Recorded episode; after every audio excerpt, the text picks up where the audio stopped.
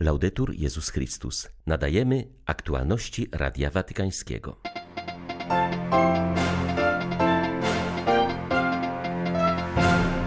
Kryzysy powinny być okazją do wzrostu więzi, a wzajemne zranienia źródłem odnowy życia dla innych małżeństw, powiedział papież do przedstawicieli stowarzyszenia zajmującego się duszpasterstwem rodzin.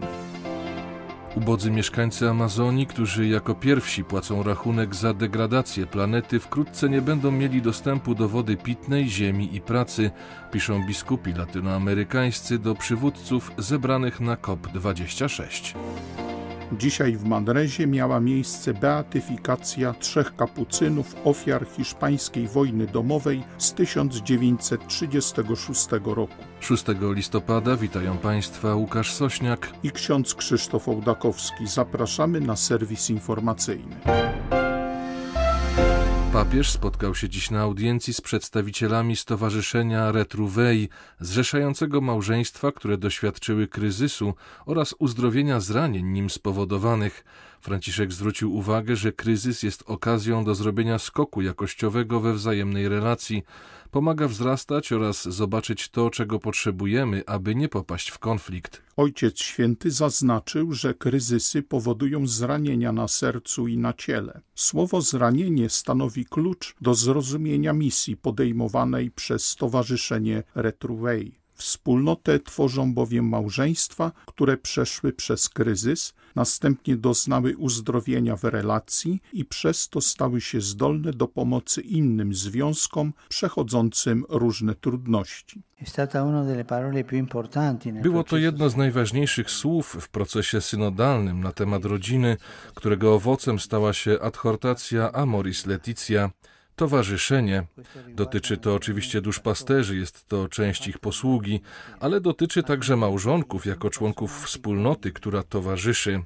Wasze doświadczenie jest tego szczególnym świadectwem. Jest to doświadczenie zrodzone od dołu, jak to się często dzieje, gdy Duch Święty daje początek nowym ruchom w Kościele, które odpowiadają na nowe potrzeby. Tak też było w przypadku Retrouvé. W obliczu rzeczywistości, w której tak wiele par przeżywa trudności lub jest podzielonych, odpowiedzią jest przede wszystkim towarzyszenie. Ono oznacza tracenie czasu, aby być blisko sytuacji kryzysowych a to często wymaga dużo czasu, wymaga cierpliwości, szacunku i dyspozycyjności. Wszystko to jest towarzyszeniem.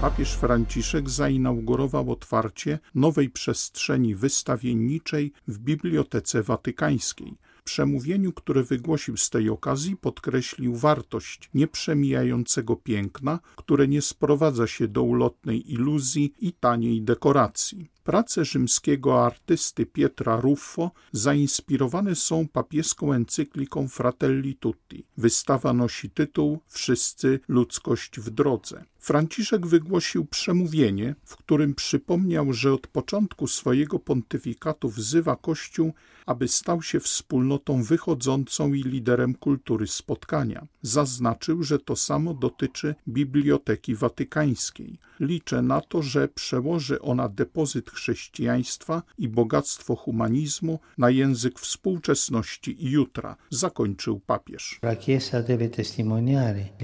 Kościół musi dawać świadectwo o wartości piękna i kultury w dialogu z pragnieniem nieskończoności, które charakteryzuje każdą istotę ludzką.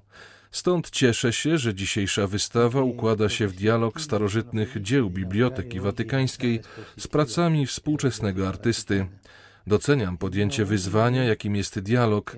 Życie jest sztuką spotkania. Kultury chorują, kiedy stają się samoreferencyjne, czyli zamknięte w sobie, gdy tracą ciekawość i otwartość na drugiego człowieka, kiedy wykluczają zamiast integrować.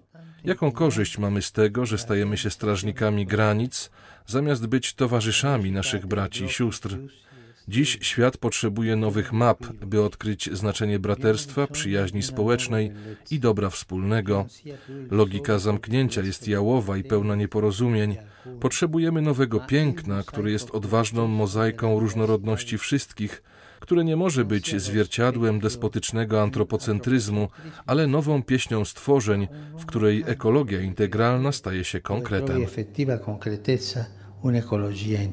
Papieski bibliotekarz kardynał José Tolentino Mendonça zauważył, że jedną z patologii naszych czasów jest pośpiech. Sprawia on, że to, co głębokie, odbieramy jako powierzchowne. Biblioteki muszą być miejscami, w których ujawnia się złożoność rzeczywistości, powiedział portugalski purpurat.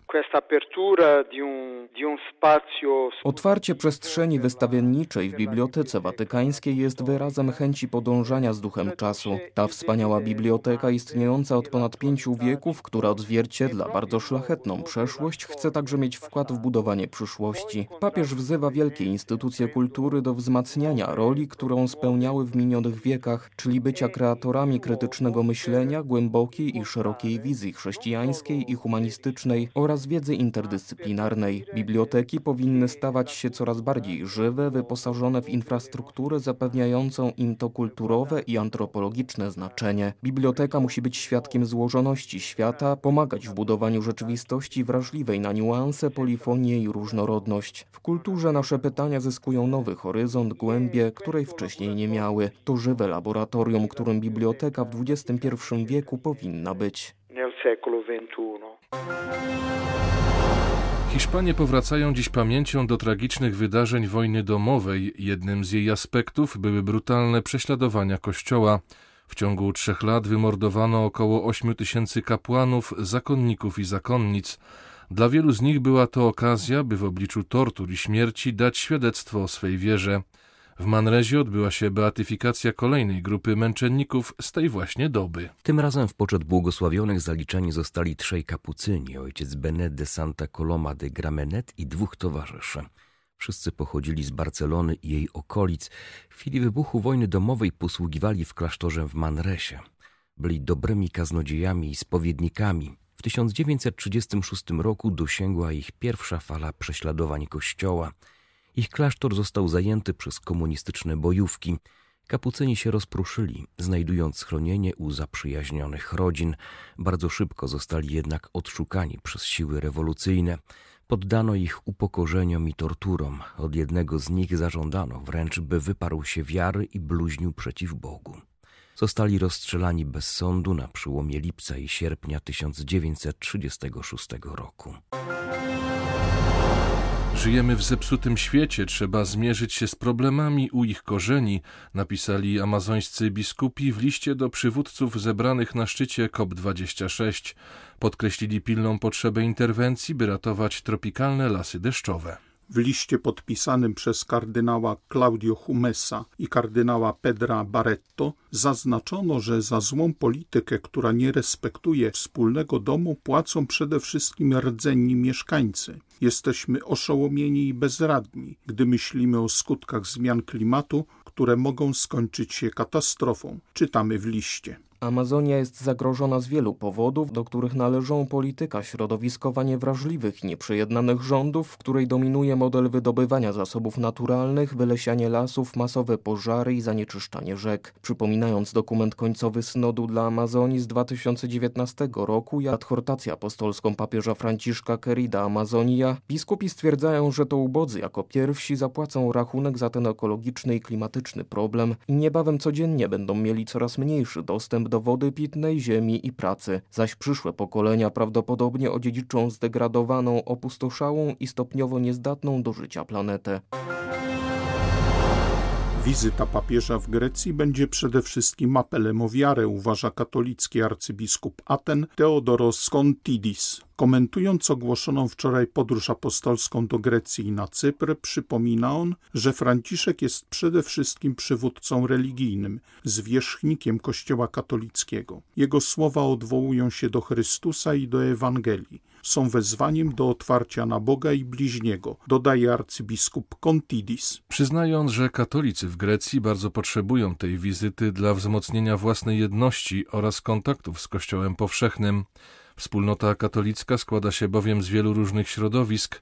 Obok rodzimych Greków są w niej Polacy, Albańczycy, Filipińczycy, Afrykańczycy, wylicza ateński arcybiskup. Podkreśla, że w Grecji istnieje dziś bardzo dobra atmosfera dla papieskiej wizyty.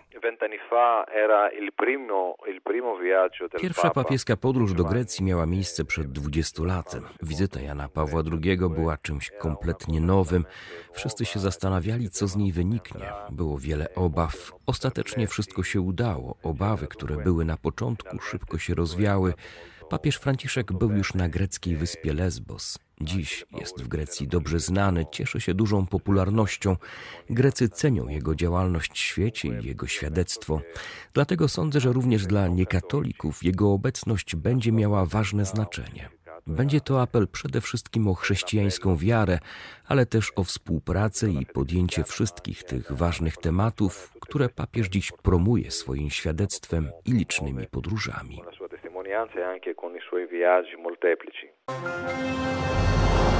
Katolicy na Cyprze mają nadzieję, że papieska wizyta będzie dla nich czasem nadziei i wiary. Mówi o tym maronicki arcybiskup Cypru Salim Sfeir. Wyspa ta nadal przeżywa bowiem dramat podziału. Od 1974 roku jej północna część jest okupowana przez Turcję. Rozmawiając z Radiem Watykańskim, arcybiskup Sfeir wyraził nadzieję, że podróż apostolska będzie dla papieża okazją do poznania cypryjskich realiów.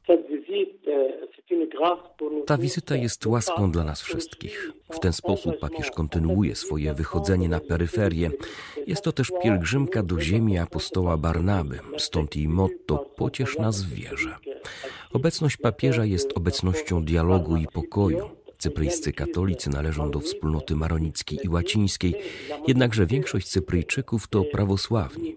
Wizyta Franciszka jest kontynuacją podróży apostolskiej Benedykta XVI, który w 2010 roku wskazywał, że Cypr może odegrać szczególną rolę w promowaniu dialogu i współpracy. Podróż Franciszka do krajów Morza Śródziemnego budzi w nas nadzieję i zachęca do dialogu, do ogłoszenia, że ludzie muszą żyć razem. Kościół, który jest uważny na wołanie ubogich, stara się dać im rzeczy, których potrzebują, powiedział emerytowany arcybiskup Agrigento, kardynał Francesco Montenegro, w przeddzień obchodzonego w ponad tysiącu parafii archidiecezji mediolańskiej Dniu Caritas. Ma on uwrażliwić na skutki kryzysu spowodowanego pandemią, który pogrążył w ubóstwie osoby nigdy wcześniej nie korzystające ze wsparcia instytucji charytatywnych. Kardynał Francesco Montenegro powiedział Radiu Watykańskiemu, że trzeba uczyć się spojrzenia na świat w taki sposób, jak czynią to ubodzy. Wtedy mógłby on bardziej podążać logiką ekologii integralnej wskazaną przez papieża Franciszka. Byłby to, zdaniem Purpurata, świat o wiele bardziej uważny na stworzenia oraz środowisko. Z pewnością ubodzy wiedzą, jak patrzeć na to, co istotne, na to, co się liczy. Jeśli jest im zimno, chcą po prostu mieć koszulkę. Jeśli nam jest zimno, chcemy ładny ciuch, najlepiej z czymś autografem. Ale to nie podpis nas ogrzewa, ale wełna. Martwimy się jednak o markowy ubiór. Biedak martwi się o to, żeby w ogóle się przykryć. On wie, jak dotrzeć do tego, co najważniejsze. COVID-19 sprawił, że nagle zobaczyliśmy siebie jako biednych, biednych w relacjach i życie się zmieniło. Droga ubogich jest drogą, którą wskazywał nam papież podczas spotkania z Caritas z okazji 50-lecia jej istnienia. Droga ubogich jest ważna, ale nie wtedy, gdy patrzy się na nią z balkonu. Jedynie poprzez stanie obok nich i pozwolenie, by mnie prowadzili. To nie jest poezja, to jest Ewangelia. Były to aktualności Radia Watykańskiego. Laudetur Jezus Chrystus.